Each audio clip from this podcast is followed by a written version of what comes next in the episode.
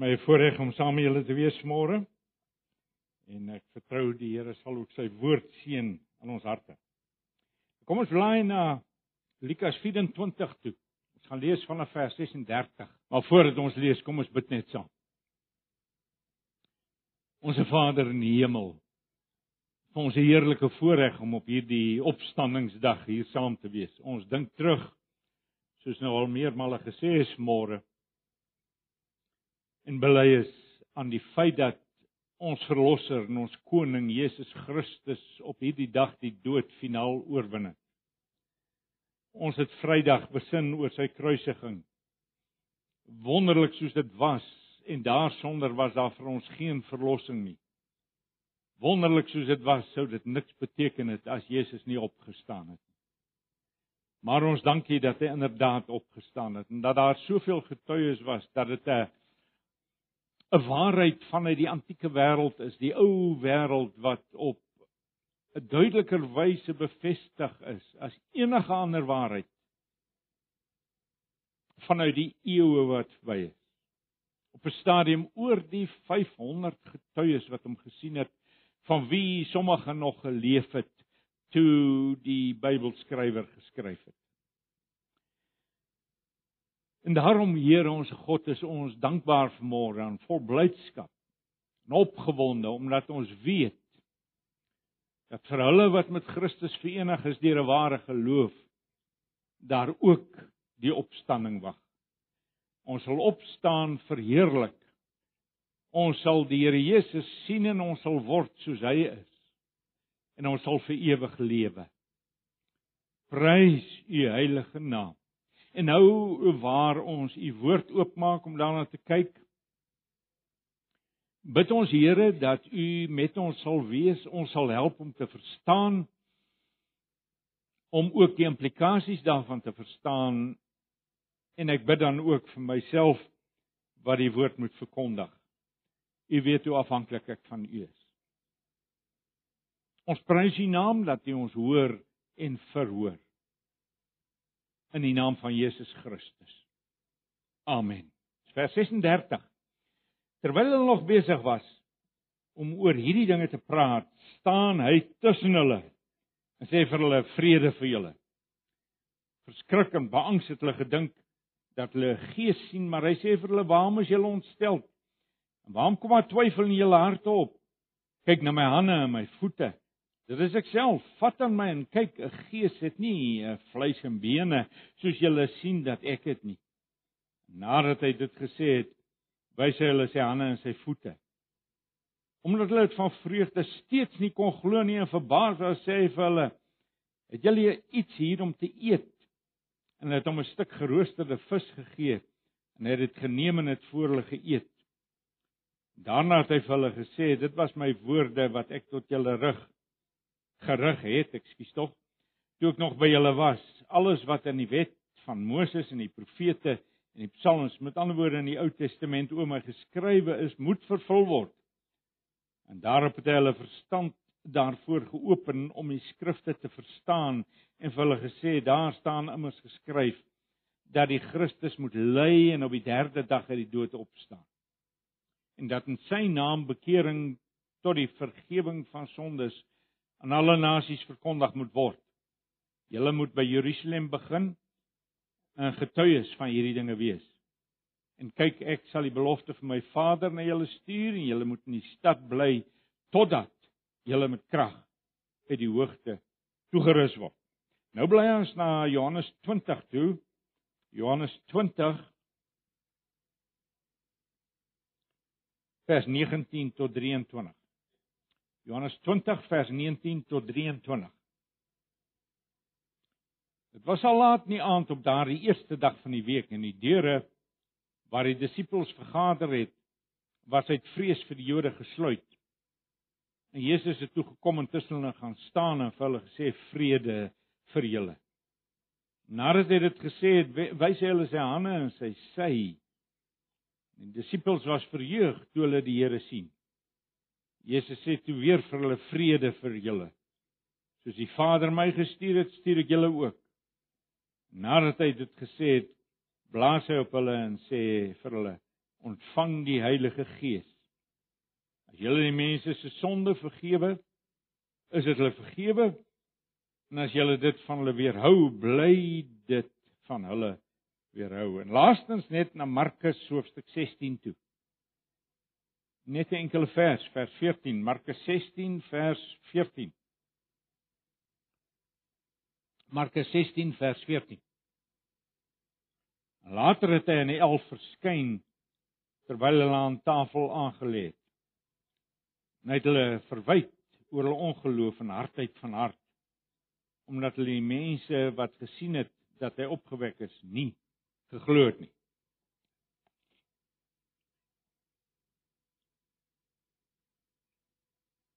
Nou, ek wil vanmôre praat oor die verskyning van die Here Jesus aan sy disippels. Ons nou vanmôre gelees van hierdie verskyning, verskynings. Dit was nie eerste maal wat hy aan mense verskyn het nie. Hy het reeds aan Maria Magdalena verskyn en uh aan die Emmausgangers julle sal onthou dat hulle terughardloop. Dit is my merkwaardig. Hulle het 10 km pas gestap. Hy verskyn en hulle is so opgewonde dat hulle 10 km terughardloop. En dan natuurlik uh, Petrus en Johannes het die leë graf gesien. Maar is nou die eerste keer dat hy aan sy onmiddellike disipelkring verskyn. Kom ons sê daar was 10 van hulle bymekaar want Judas Iskariot was weg, hy het die Here Jesus verloon. En uh ons lees in die Bybel dat uh uh Thomas nie saam met hulle was nie. Dat hy nie daar was nie. En soos ons kan verwag was dit vol betekenis hierdie verskyning van die Here Jesus aan sy disippels. Hulle is uh verward en onseker en bang en hulle vergader agter geslote deure. Hulle eet saam, maar hulle is vol ongeloof oor die berigte wat hulle by die ander gehoor het wat Jesus nou al gesien het by die vrouens. Nou ja. Mes leer mos maar gou-gou in die lewe leer 'n man om nou nie alles wat 'n vrou vertel eh, versoet koek op te eet nie. Oënskynlik was dit hulle probleem, is nou nie my probleem nie.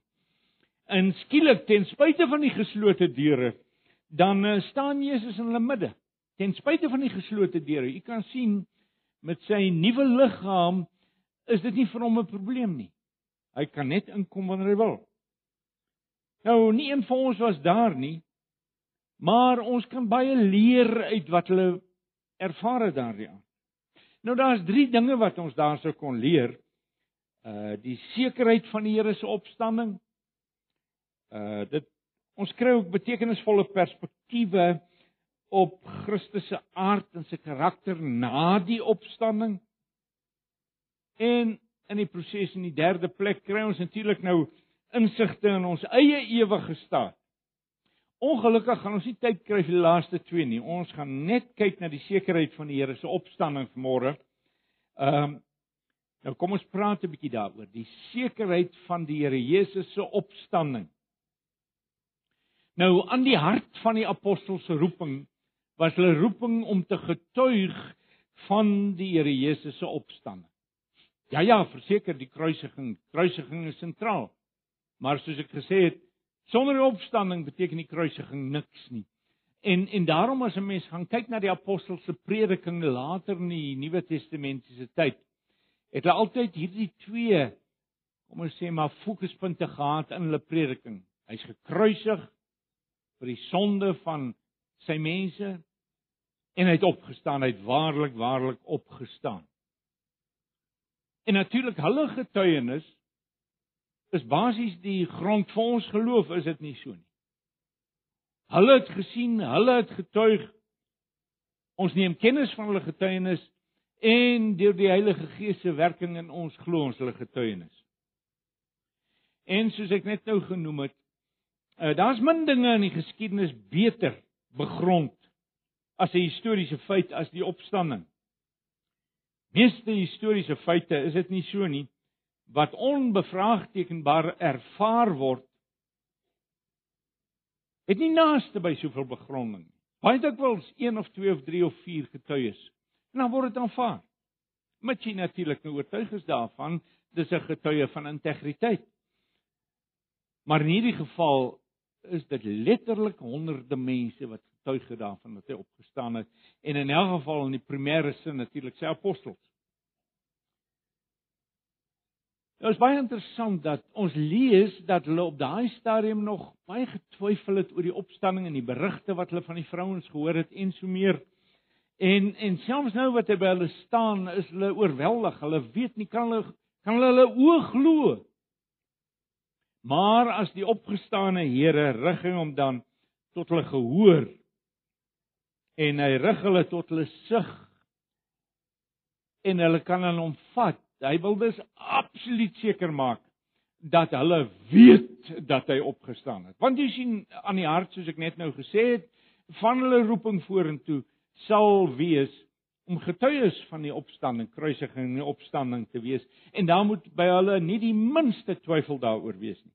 Is baie interessant as jy kyk hoe hy hom tot hulle gehoor rig. Onmiddellik na sy verskyning aan praat hy. Hy praat en hulle kan hom hoor praat is weer die geliefde stem wat hulle hoor en die spreekwyse waarna hulle so gewoond geraak het. En waarna hulle soveel ure geluister het die vorige voorafgaande 3 jaar of selfs 'n bietjie langer. Ja, ja, dit is hy. En wat hy vir hulle sê, hy ervat presies waar hy hulle gelos het voor die kruisiging. Gaan hy net daarmee aan. Nou uh deur die verskrikking van die kruis het hulle sy woorde van die laaste aand oor en oor onthou en herhaal vir hulle self. Oor en oor hulle seker vir hulle het julle gehoor toe hy gesê het. Onthou julle nog hy het gesê? Kan dit waar wees? Ja ja, dit moet waar wees. Maar hy het gesterf. Hy's dood. Hy's gekruisig. En nou Kan ons daarop staat maak? Kan ons daarop pyl trek? En so het hulle hierdie woorde dus oor en oor gesê vir hulle self en hulle het dit onthou. En dan vervat hy net daarna verder.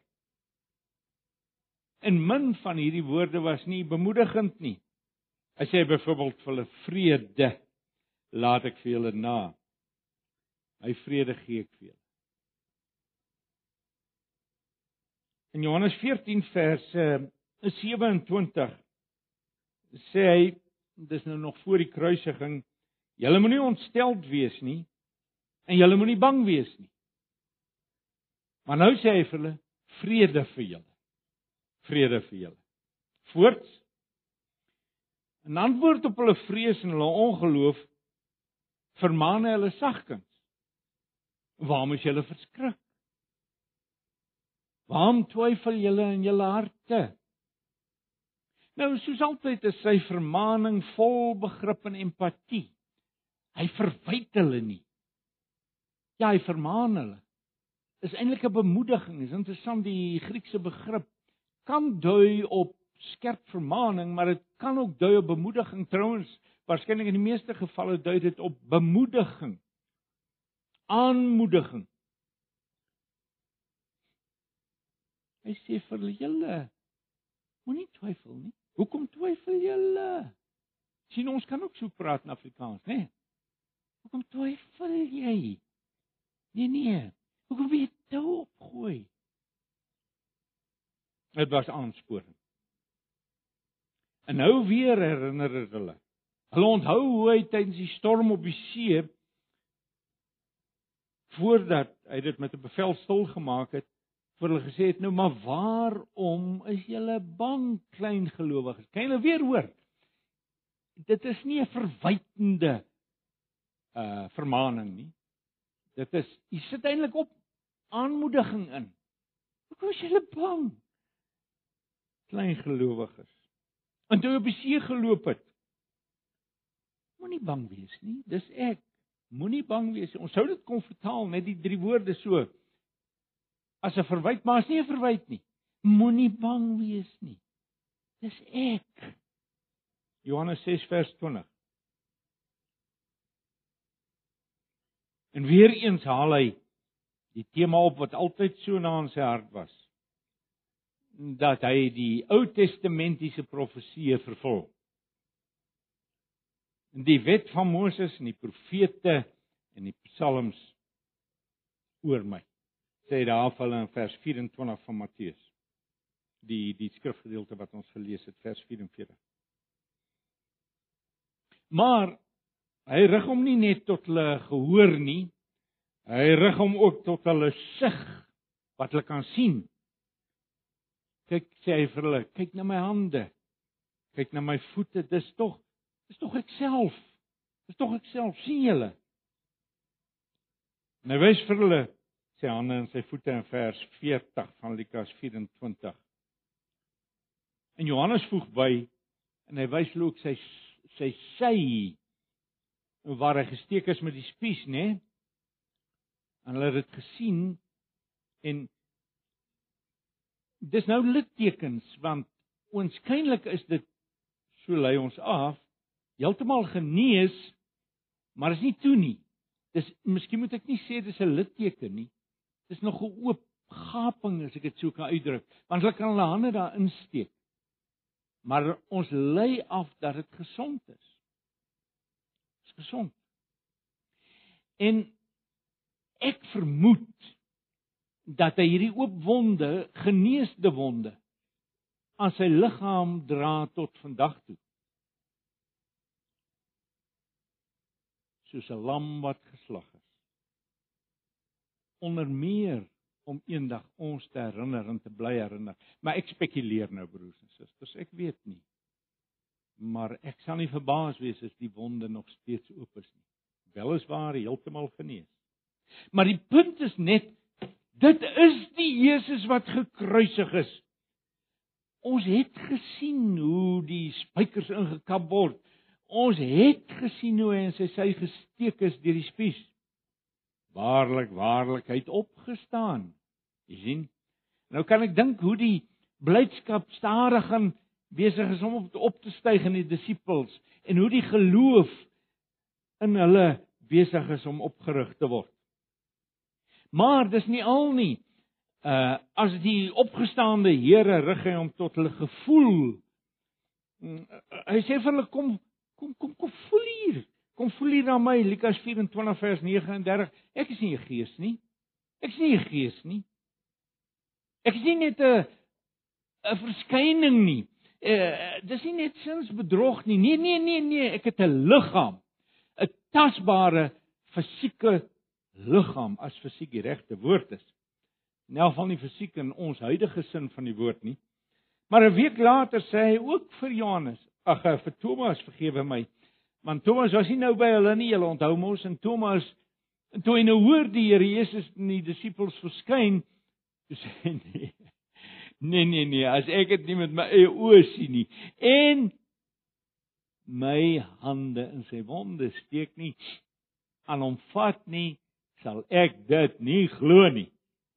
Dan kom Jesus en hy sê vir hom 'n week later, nou, kom hier Thomas, steek jou hand in my sy.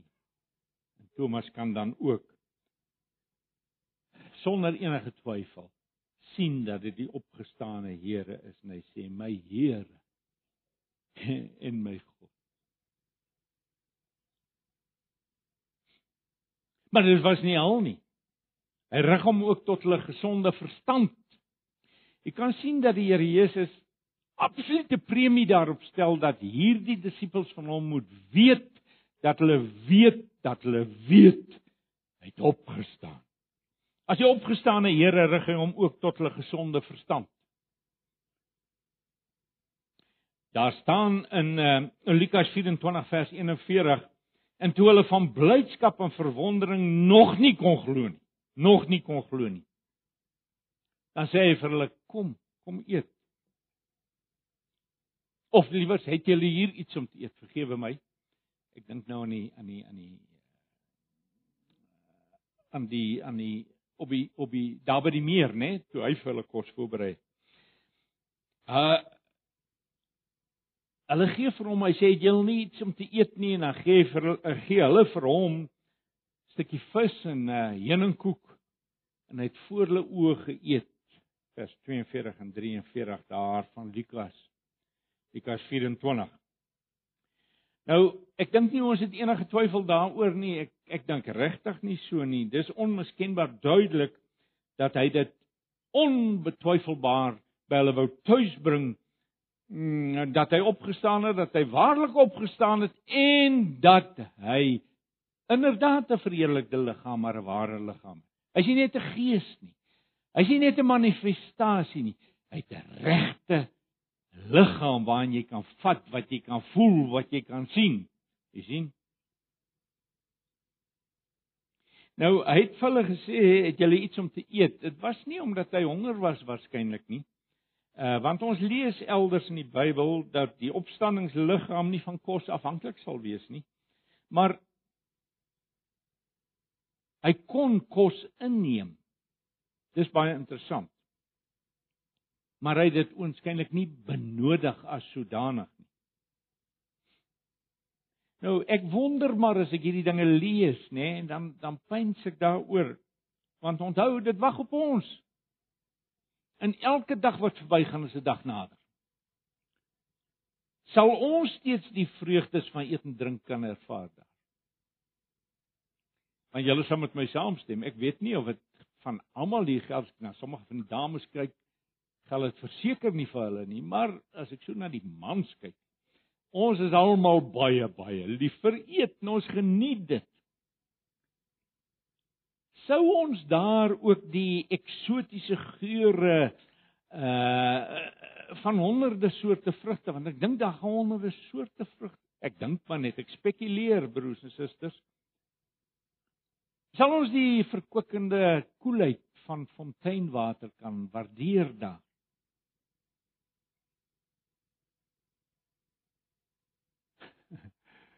Uh, sal van die mense daar ook 'n stryd teenoor gewig hê. Ek dink nie so nie. Ek dink nie so nie. Sal hulle moet eet om hongerpyne te stil? Ek glo nie so nie. Maar ek dink ek weet nie. Ek weet nie. Ons moet wag en sien of ons sal eet daar en of ons sal kan eet en of ons dit sal geniet om te eet Ek weet nie, maar ek noem nou maar net hierdie dinge sodat dit vir ons nader kom na onsself toe. Wie weet ons kan oor die opstanding en die ewige lewe hierna dink en dit kan vir ons so esoteries bly, ver weg en dit word nie werklik in jou gemoed nie, maar as 'n mens so begin dink oor hierdie dinge, dan is dit asof dit voete kry, asof dit grond toe kom. En dan wonder 'n mens oor die dinge. Maar goed, kom ons let nou finaal op as die Here Jesus aan hierdie uh, manne verskyn dan soos ek gesê het is hulle uiters skepties oor die berigte wat hulle gehoor het. Hulle was eerder gereed om die vrouens se verhaal af te skryf as naïwiteit en bygeloof. En die Emmausgangers Maar nou moet hulle toegee die vrouens is reg. Gebeur mos meermale met ons manne. Hulle moet toegee die Emmausgangers was reg. Hulle was nie bloot opgesweep tot 'n staat van opgewondenheid en entoesiasme nie. Sodat hulle maar meer as gewillig was om enigiets vir soetkoek op te eet. Inteendeel. Hulle was bang en hulle was moedeloos voor die tyd. En as jy my as gangers dis aangehardloop kom dan sien hulle, dan moes hulle gesien het iets het met hierdie manne gebeur. Hoe dit ook al sê. En dit gebeur natuurlik met hulle ook. Want waar hulle hierdie 3 dae moedeloos was waar hulle weggekruip het agter geslote deure, waar hulle nie meer uitsig gehad het nie en so meer, sou hulle hierna Ons weet dit tog. Sou hulle hierna brandende fakkels word vir die eer van die Here, verkondiging van die evangelie. Hulle sou tot tot aan die uiteindes van die bekende wêreld van destyds gegaan. Thomas tot in Indië. En uh ten minste 3 van die apostels as ek dit nie mis het nie, het in Afrika so ver afgekom soos Ethiopië. Daar's van hulle wat opgegaan het tot in die uh ek is nou nie meer seker van die grense na die vrymaking van of die val van kommunisme nie, maar uh uh tot 10 jaar terug sou ons moes gesê het hulle tot in die Sowjetunie opgegaan. In elk geval hulle getuienis het gewig gedra. Maar goed. Ons hou nou hier op net by hierdie eerste ding wat ek net nou gesê het wat ons kan aflei. Kom ons vra net die vraag wat sê dit nou vir ons? Ehm uh, kan ons daarop trek dat ons ook soos die Here Jesus sal wees as ons opgestaan het. Sal sy ewige aard ook ons ewige aard wees. Natuurlik, hy is uniek in die sin dat hy die seun van God is. En daar is dus bepaalde dimensies van sy wese en sy persoon wat ons nooit sal ervaar. Maar die dinge waarna ons tot nou toe gekyk het vanmôre, ek dink ek dink ons kan aanvaar. Ons gaan baie soortgelyk wees. Hoe dit ook al sê. 'n Eerste saak wat ek net onder julle aandag wil bring. Op hierdie manne, ons praat nou oor die eh, implikasies en wat ons hier kan lees. Oor op hierdie manne se betroubare getuienis rus die mees basiese aspekte van ons geloof. As hulle nie betroubare getuies was nie, dan is ons besig om onsself te bluf broers en susters. Maar die opstanding van Jesus Christus is die onomstootlike bevestiging van sy aansprake tydens sy vernedering. Hy het verbuisterende aansprake gemaak terwyl hy nog tussen sy disippels geleef het. Ja ja, hy het destyds wonders gedoen as 'n bevestiging dat hy die seun van God is. Maar dan word hy gekruisig. Dan word hy gekruisig en hy kan oënskynlik nie self van die kruis afkom nie. Hy hang oënskynlik sê ek magteloos daar. En daarom sê die Emmausgangers ons het gehoop dat dit hy is wat Israel se verlos. Maar sê hulle, maar So jy sien op hierdie stadium voordat hulle Jesus nou nog herken het, is hulle moedeloos, totaal platgeslaan. Ons weet nie hoe lank hulle Jesus toe al gevolg het nie, maar kom ons sê maar 3 jaar. Vir 3 jaar het hulle in hoop gelewe. Was hulle opgewonde? Hulle weet mos hoe verlammend teleurstelling op 'n mens kan inwerk. En dit is 'n verskriklike teleurstelling hierdie vir hulle. Maar die opstanding het ek net nou gesê is die finale en onomstootlike teken dat hy presies is wie hy gesê het hy is. En dit is wat die Emmausgangers verstaan. Dit is hoekom hulle terughardloop. Die Here het regtig opgestaan. Hy is presies wat hy gesê het hy is en wie hy gesê het hy is. Dis die eerste ding. Die tweedens, tweedens wil ek sê die opstanding van Christus is die onfeilbare waarborg dat sy middelaarswerk deur die Vader aanvaar is. Ek sê dit is die onfeilbare waarborg dat sy middelaarswerk deur die Vader aanvaar is. En broers en susters, wat het ek en jy anders as sy voorspraak? Trouens die Bybel leer ons ons moenie onsself wys maak dat ons iets anders het nie. En dan mag ons juis vind dat hy nie vir ons 'n verlossing sal 'n verlosser sal wees nie. Jy sien, onthou julle die hele kontrovers rondom die besnydenis van destyds en hoe die apostel Paulus uh vir die mense daar in Galasië gesê het as julle julle nog laat besny beteken Christus vir julle niks Met ander woorde, as julle julle vertroue, ja ja, die Judaïste van destyds het gesê hulle glo in Christus. Hulle het gesê hulle is sy disippels, maar daarbenewens het hulle verkondig moet 'n mens nog besny word. So dit is Christus se verdienste plus die besnydenis en die instandhouding van die seremoniele wette waarskynlik ook. Dit sal die grond wees, die basis vir ons redding. En is juis vir hulle wat die apostel Paulus sê. Julle sal nie gered word. Dis waar dit neerkom dan Galasiërs. Gaan lees gerus weer. Galasiërs 1 en as ek reg onthou Galasiërs 4. Gaan lees dit. En dan broers en susters, is dit kardinaal belangrik dat ons seker maak ons stel ons vertroue in die verdienste van Jesus Christus alleen. Alleen sê ek. Ek weet nie, dit is iets wat baie sterk weer Ek het dit vir jare onder die knie gehad en was dit nie meer vir my 'n probleem nie in die afgelope jaar.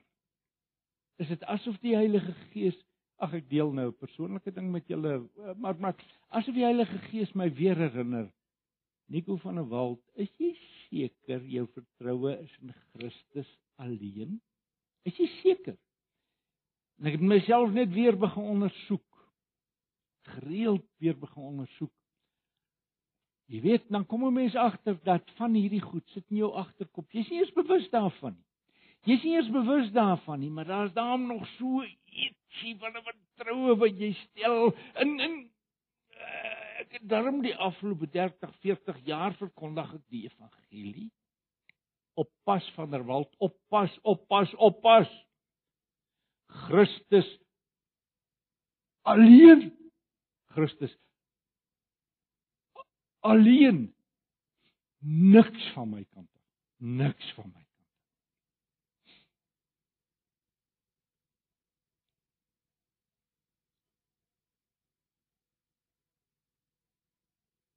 Ek wil vir ons net twee skrifgedeeltes lees. Die eerste een is Handelinge 17 vers 31. Handelinge 17 vers 31 waar daar staan in hierdie Bybel want hy het 'n dag bepaal waarop hy die wêreld in regverdigheid gaan oordeel deur 'n man wat hy daarvoor aangewys het. En hy het dit almal bevestig deur hom uit die dood te laat opstaan. Jy sien God se finale teken aan die mens. Die finale teken is die opstanding van Christus. Daar's baie ander tekens gegee. maar die opstanding van Christus. En dan Romeine 1 vers 4. Ekskuus tog. Romeine 1 vers 4. Kom ons lees maar van vers 3 af. Die helfte van vers 3: Wat as mens uit die nageslag van Dawid gebore is, wat volgens sy gees van heiligheid deur sy opstanding uit die dood met krag aangewys is as die seun van God. Deur die opstanding van die dood met krag aangewys is as die seun van God. Jy sien wat die Here God is by ons wil tuisbring deur die wonder van die opstanding. Jy sê maar ek was nie daar nie. Ek het dit nie gesien nie. Wel dit is net so dat as die Heilige Gees geloof in jou werk, dan sê jy bereid wees om te sterf vir hierdie waarheid. En dis die getuienis van die apostels daar. Nie net een of twee nie, van almal, al 11 van hulle plus die een wat later aangewys is wat ook van die begin af saam met hulle was. Getuienis van hierdie manne is daar. En en dan is daar die werk van die Heilige Gees in 'n mens wat jou hierdie geloof gee. Hoe dit ook al sê, alle eise van God se geregtigheid is bevredig. Die uitverkorenes is onomkeerbaar losgekoop losgekoop, vrygekoop. Die uitverkorenes en broers en susters, jy sê, hoe weet ek ek is uitverkies? Wel, is maklik. Kyk na jou lewe. Toets jou lewe. Het die Here jou lewe verander? Het hy jou nuut gemaak? Het hy geloof aan jou geskenk? Het jy begeerte om hom te dien en te verheerlik? Al misluk jy 1000 keer Is dit vir jou 'n saak van hartseer as jy misluk? Is alles tekens, is alles tekens dat die vingerafdrukke van die Here op jou sit. En bovenal glo jy dat jy glo dat jy glo dat hy opgestaan het. Derdens Die opstanding van Christus. Ekskuus tog. Is sy toetrede tot 'n volgende en absoluut noodsaaklike fase van sy verlossingswerk. Ek sê dis die toetrede tot sy opstanding. Toetrede tot 'n volgende fase, 'n finale fase van sy verlossingswerk. Kyk, die kruis het die juridiese basis gelê vir die verlossing van sy kinders, God se kinders. Maar dit moet nou nog uitgewerk word. Dit moet nou nog prakties tot realiteit kom in die lewens van miljoene mense. Daar's nog 'n proses wat voorlê. En Jesus Christus staan dus op as die groot profeet. Hy la, lei ons in in in paaie van waarheid. Dink net hoe die kerk deur die eeue, ja, daar was baie kettery. Daar was baie skeeftrekkings.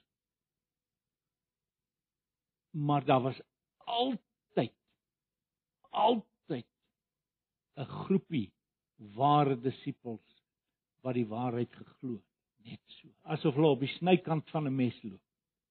Want dit is so dat die waarheid is 'n waarheid in ekwilibrium. Julle ek weet nie of julle nog kan onthou ek was baie jare terug was ek hier. En ek het altyd onthou julle ek het altyd so gemaak. Waarheid is 'n waarheid in ekwilibrium. Waarheid is 'n waar, daar staan geskrywe en daar staan geskrywe. En en ons moet dit in 'n ekwilibrium vashou. Daar's dikwels 'n spanning tussen hierdie waarhede. Dis een waar is, lyk dit vir jou hierdie een kan nie waar wees nie, maar hierdie een is waar en tog hierdie een is ook waar, maar is omdat hulle in 'n spanning is. Hoe dit ook al sê, dis nou 'n ander saak.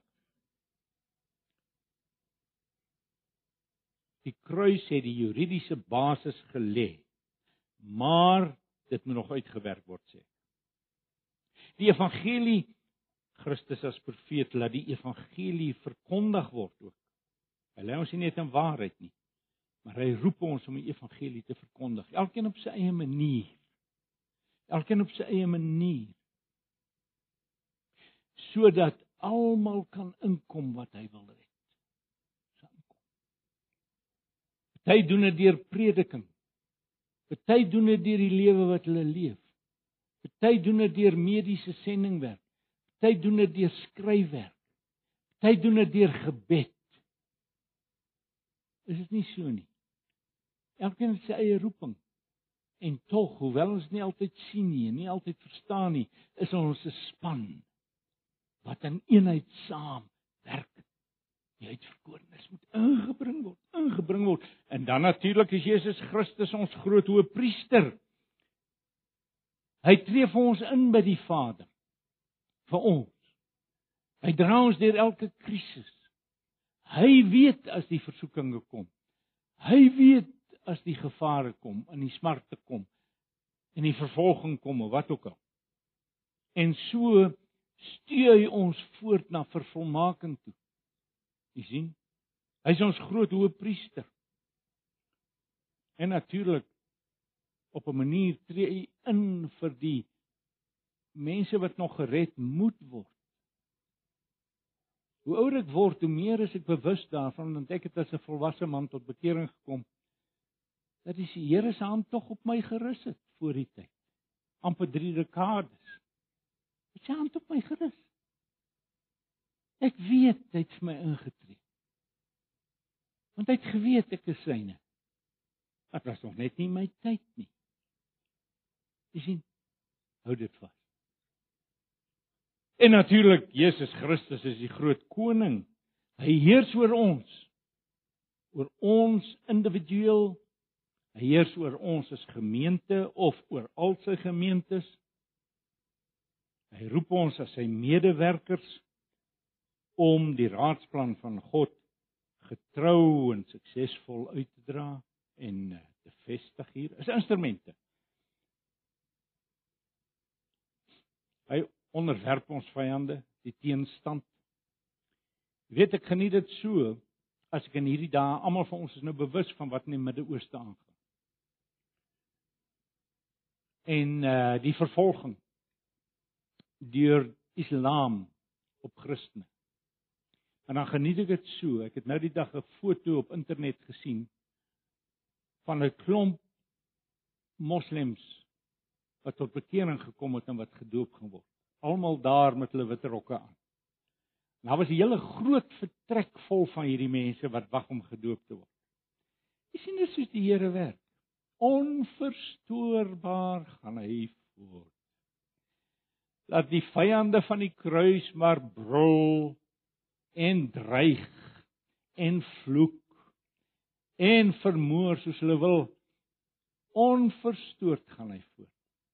En ek kan julle verseker daar word vandag in die Midde-Ooste gewese moslems gedoop in die naam van Jesus Christus. Hy bring hulle in. Hy bring hulle in.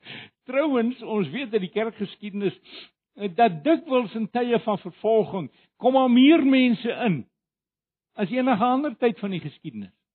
En dis wat nou daar aan die gang is.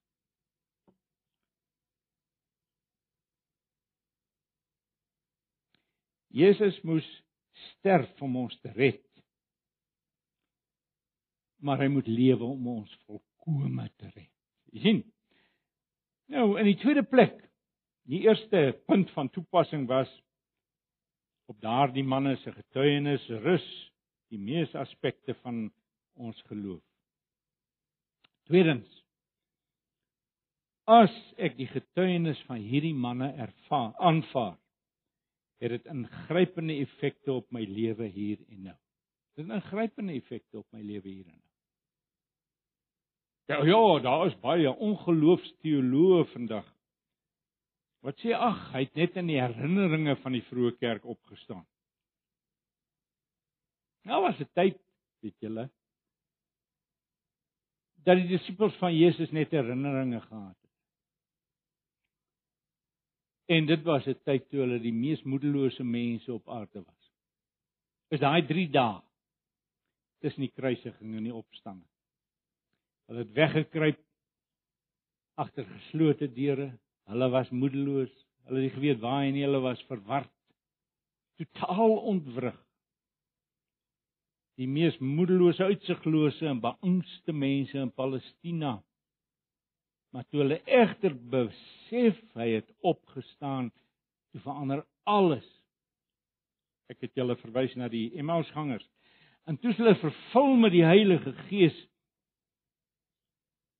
en het met hierdie vlammende boodskap van Christus se heerskappy tot aan die uiteindes van destydse bekende wêreld ingedring en oral gekom en getuig en gepreek onvermoeid. Herinneringe kon hulle nie troos nie. Herinneringe kon hulle nie inspireer nie. Maar dit was die wete dat hy regtig opgestaan het. En so geld dit vir ons ook. So geld dit vir ons ook. Voordat jy nie Christus as die opgestane Here ontmoet het nie, voordat jy nie op 'n punt gekom het waar jy vir hom kan sê vanuit jou hart van harte Here van hierdie dag af sal ek u dien met u genade. Gee my die krag asseblief. Voor dit nie gebeur nie. Voor dit net vir jou 'n akademiese ding word. Ek was so. Moenie dink toe ek sê ek was amper 30 toe ek tot bekering gekom het dat ek voor die tyd 'n heiden was nie. Ek was 'n diaken in meer as een gemeente Ek was die heel eerste studente diaken in die Dopperkerk op Stellenbosch. Ek was 'n goeie ouetjie. Ek was 5 jaar op Stellenbosch en ek was nooit dronk nie. En dis 'n prestasie. Willem, jy was daar, jy sal weet. Ek wil nie daarmee sê jy was dronk nie, maar ek bedoel jy was ook 'n getuie. Ag en ander van julle wat Ek was nooit dronk nie, ek was 'n ordentlike ouetjie. Maar ek het nie die Here geken nie. Al was ek elke Sondag in die diakensbanke. Maar die dag toe ek weet hy's die opgestane Here en ek moet my lewe aan hom onderwerp en ek wil dit doen. het alles verander. En is nou al oor die 40, is julle eentjie in die 40 jaar. En is nog altyd dieselfde. Ek het destyds toe tot bekering gekom het, het gewonder hoe lank gaan dit hou. Julle weet mos as jy so jong man is, dan begin jy golf speel. Slaan so 'n paar houe, maar jy slaan skeef in in die riefveld in en so slaan mis ook. Ag en dan verloor jy jou entoesiasme. Dan dan begin jy duik. En dan verdrink jy eendag amper. Was weer eens Mina. En dan verloor jy net eenvoudig net daar jou belangstelling. Jy begin rugby speel en maak jy jouself seer en as jy so bly het 'n verskoning om op te. En so meer, en so meer, en so meer. Ek dink baie van julle kan hiermee identifiseer. En toe ek tot bekering kom, toe wonder ek in my agterkop gaan dit hou.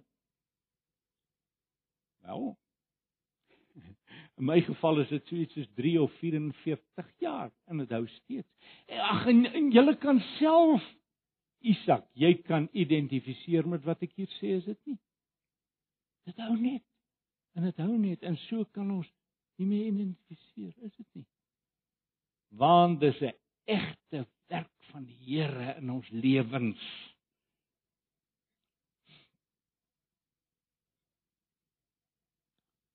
Herinneringe kon nie troos nie, kon nie inspireer nie. As jy weet hy het regtig opgestaan sê, En presies hier, net hier lê die rede waarom kerke sterf. As hulle die bewussyn verloor dat hy opgestaan het, dat hy die lewende heersende Christus is. As die predikante dit nie meer glo in hulle harte van harte nie, dan kom dit ook nie deur in die prediking nie en dan verloor die mense hierdie sekerheid as hulle dit hoegenaamd gehad het, ek twyfel daaraan, maar en dan gaan so 'n kerk dood. Ja ja, daar's so iets soos tradisie. En elke Sondag is hulle maar daar. Ek het altyd ek kom uit 'n familie van melkbooie en ek het baie klein seentjies staan en kyk hoe die koeie inkom. In die ek het dit ook al vir julle vertel. Maar in die stal in, hè. Dis nou tyd om te melk, is melktyd. En hoe daai koeie so inkom. Hulle loop mos so die groot eierkoeie. En wragtig hulle gaan staan elke middag by dieselfde plek. Elke koei gaan staan by haar plek. En so gaan baie mense kerk toe. Iemand moet net nie op jou sitplek sit nie. Dan neem jy aanstoot. Nou wil jy bedank en dan wil jy beklei. Hoe dit ook al sê. Derdens. Haastig maak. Eksampel klaar. As Christus se opstanding sentraal in my geloof is, kan ek van twee dinge seker wees. Eerstens van ook my toekomstige opstanding en onsterflikheid van ook my toekomstige opstanding en onsterflikheid. Daar's 'n onverbreekbare band tussen Christus en diegene wat deur 'n ware geloof met hom verenig is. Sy opstanding en ons opstanding is net twee fases van een en dieselfde proses. Eendag ek het 'n vriend gehad op teologiese skool. En hy kom by my en hy's vreeslik opgewonde. Hy sê, "Weet jy, ek het nou môre gebid." En toe kom 'n beeld by my op en dit beteken vir my so baie. En hy praat toe oor hierdie hierdie uh onverbreekbare band tussen die hoof en die liggaam, nê, nee, tussen Christus en die liggaam. Hy sê dit is soos 'n man wat deur 'n mangat in die plafon moet klim. Nou weet julle dit as 'n mens nou 'n stepleertjie het, maar die stepleertjie is 'n bietjie kort. Dan lig jy daai deksel op en skuif hom een kant toe. Nou moet jy deur daai mangat kom in jou hande vat hierso. En daar's net een manier. Kyk jou kop is klaar in die plafon. Jou kop is klaar in die kom ons sê in die dakruimte in. Jou kop is daar. Mag ek sê jou hoof is daar. Jou liggaam is nog hier onder op die leer. Dis nie maklik om jou liggaam deurgetrek te kry. Jy moet spring. Maar die punt is net en daarom is die koms van die koninkryk in die in die voortbestaan van die kerk 'n geweldige stryd hier op aarde. Maar daar kom 'n tyd wat jy jouself jou liggaam moet deurtrek tot in die dak. En miskien as ons so daaraan dink, ek het nogal gedink dis 'n goeie beeld. Die eenheid tussen die liggaam en die hoof, tussen Christus en sy kerk. Die kerk is nog hier onder. Ons is nog in baie gebrokenheid. Jy sien, maar die hoof is reeds daar en hy sal ons deur deurtrek.